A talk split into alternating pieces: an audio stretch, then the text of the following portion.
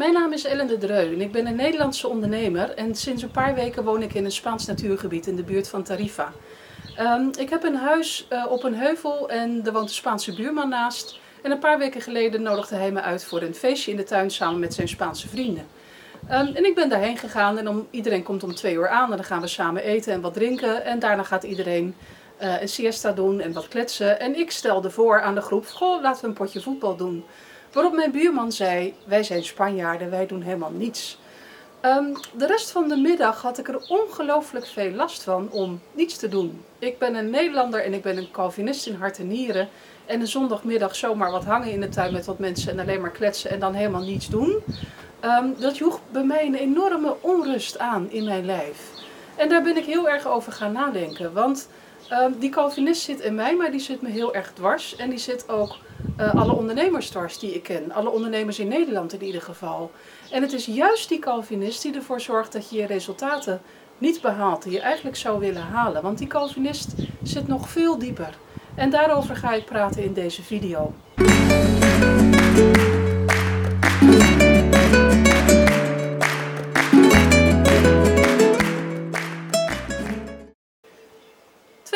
Geleden had ik alles wat mijn hartje begeerde. Ik had een succesvol bedrijf, ik had een huis, ik werkte de hele dag en zat s'avonds voor de tv.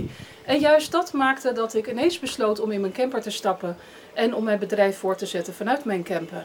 Dus ik ben gaan reizen en dat heb ik 2,5 jaar gedaan in een te oude camper moet ik bekennen.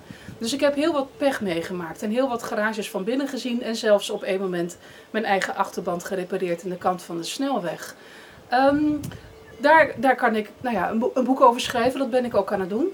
Um, daar kan ik heel veel over vertellen. Maar wat me vooral is opgevallen, is dat ik niet meer in de stress schoot. Als er iets misgaat, dan heb ik ondertussen een modus vivendi gevonden dat ik denk, oké, nou ja, dat zal wel weer een uh, avontuur opleveren. Dan gaan we dat oplossen en dan, dan weet ik, dan kan ik op mezelf vertrouwen. Dan komt het beste in mij naar boven. Nu zit ik ineens in een hele andere situatie. Nu, 2,5 jaar later, heb ik een huis gevonden op een heuvel in een natuurgebied in Spanje. Um, en hier gaat niks mis. Um, dit is zo'n mooie plek dat, dat, het, dat ik het bijna niet kan bevatten. Ik woon in de prachtigste natuur. Ik kan vogels kijken. Ik heb hier een boom waar ik onder zit te werken in de schaduw. De temperaturen zijn hier fantastisch.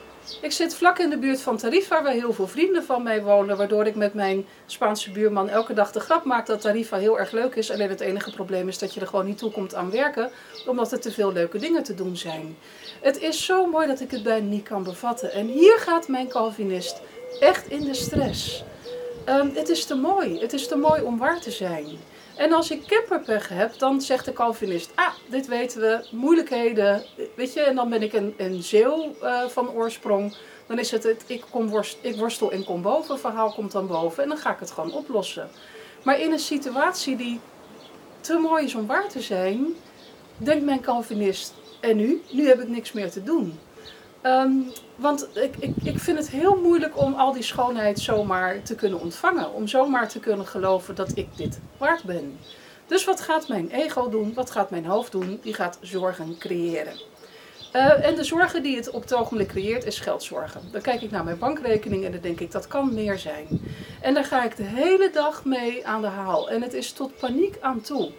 En dan weet ik ondertussen van mijn reis dat als ik dergelijke paniekaanvallen heb, dan is er eigenlijk iets anders aan de hand. Ik weet ondertussen dat het verhaal van er is geen geld en ik ga echt failliet, dat dat niet waar is. Het is een manier van mijn hoofd, uh, van mijn ego, om zich ergens in vast te grijpen, om ergens mee bezig te zijn. Um, terwijl ik weet dat er dan daaronder iets speelt wat, er, wat, wat, wat echt belangrijk is, wat er aan de hand is. Waar een transformatie zit, waar mijn ego bang voor is. En de transformatie is dat mijn Calvinist even niks te doen heeft. Um, en dat ik kan leren om gewoon te ontvangen. En, en dat ik kan gaan geloven dat ik dit waard ben. En dat vindt mijn Calvinist heel moeilijk. En nu kun je je afvragen, is die Calvinist nou daadwerkelijk een probleem als je ondernemer bent? Ja, dat is het wel degelijk. Want even, als ik mezelf als voorbeeld mag nemen. Um, ik zit onder de boom te werken en ik heb twee opties. En de ene is dat ik uh, niet in de angst schiet, maar in het vertrouwen blijf zitten. En dat ik uh, nieuwe diensten en producten ga ontwerpen. Dat ik mijn boek ga schrijven en dat ik jullie dat aan ga bieden en op die manier geld verdien. De andere optie is dat ik in de angst schiet. En die angst die verlamt me totaal. Dus ik ga de hele dag zitten malen over wat er allemaal mis kan gaan. En ik zit een soort verstijfd voor mijn computer en ik doe niks. En ik weet van heel veel ondernemers dat die datzelfde meemaken. Ik heb de afgelopen week een aantal Nederlandse klanten gesproken die heel veel hadden kunnen doen. En die, die zeggen dan tegen me, ja we zitten thuis achter de computer naar het scherm te staren en we doen niks. Dit is de Calvinist. Dit is de Calvinist die ervoor zorgt, die eigenlijk je grootste angst waarmaakt. Dus je bent bang om failliet te gaan, je bent bang dat je geen klanten krijgt. En wat doet die angst? Die verlamt je, waardoor je niks doet, waardoor je geen klanten krijgt. Deze Calvinist kan je enorm belemmeren. Dus het is heel erg belangrijk dat je die Calvinist, ik wou zeggen de kop afsnijdt, maar dat werkt niet, want als je hem wegduwt wordt hij alleen maar sterker. Het is heel belangrijk dat je leert omgaan met die Calvinist die we uiteindelijk allemaal in ons hebben. En ik ga je twee tips geven wat je daarmee uh, kan doen met die Calvinist. En de eerste is dat je leert dat je gedachten nooit waar zijn. Dus als je bang bent, dan kan je ervan uitgaan dat die angst niet waar is. Dat dat, een, dat dat je ego is die een spelletje met je speelt. En dan kan je gaan kijken wat erachter zit, wat, wat het heeft getriggerd. En dan kan je daaraan gaan werken.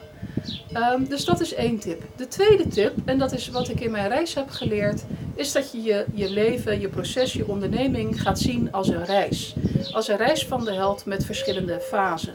En elke fase heeft zijn eigen draken, dromen, beren, uh, en alles wat daarbij hoort.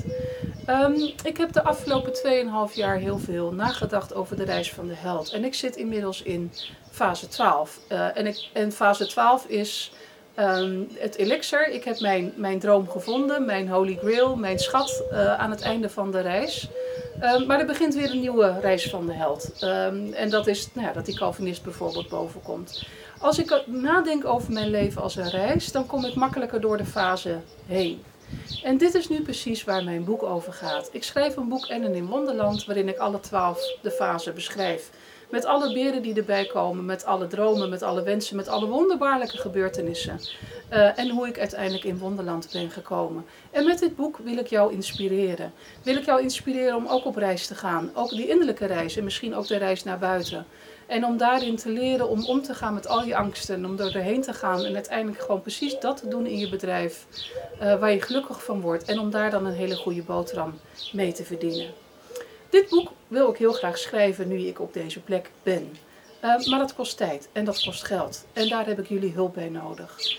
Dus ik zou jullie willen vragen, en dat is, nou ja, Calvinist schiet hier ook weer even in de stress. Ik ga jullie om een gunst vragen. Ik ga ik ga jullie vragen om een boek te kopen voordat het af is. Ik ga jullie vragen om mij te vertrouwen dat ik de komende maanden uh, hier onder de boom uh, net zo lang ga schrijven tot het klaar is. En dat ik het dan ga uitgeven en dat ik het dan aan jullie op ga sturen. En ik wil jullie vragen om uh, mij alvast te betalen, zodat ik een paar maanden de tijd heb om dat boek te schrijven. Nu ik hier kan zitten, nu er niks mis kan gaan, nu ik mijn tijd niet hoef te besteden aan camperpech, wil ik graag zitten en schrijven. En daar wil ik de tijd voor hebben en daar wil ik het geld voor hebben om dat te kunnen financieren. Dus ik wil je vragen om het boek alvast te kopen. Natuurlijk krijg je dan het boek. Natuurlijk krijg je dan alle andere dingen die ik daarbij ga beloven. Kijk daarvoor op de website, uh, op het adres wat hier zo in beeld verschijnt en wat ook onder dit bericht verschijnt. Um, en dan, ja, dan ga ik onder de boom zitten. Dan ga ik uh, conversaties hebben met mijn Calvinist. Um, genieten van de zon, genieten van de natuur en toch ook aan het werk om dat boek af te maken. En dan kan ik niet wachten tot ik naar Nederland kom voor de boekpresentatie waarin ik jullie allemaal het boek aan kan bieden. Jullie zijn bij deze nu alvast van harte uitgenodigd. En um, als je wil betalen, dank, dank, dank je wel. Dan ben ik je echt enorm dankbaar dat heb je in ieder geval dan al nu meegekregen. Ik verheug me op de volgende video. Ik verheug me op je de volgende keer weer te zien. Dag, geniet van je dag.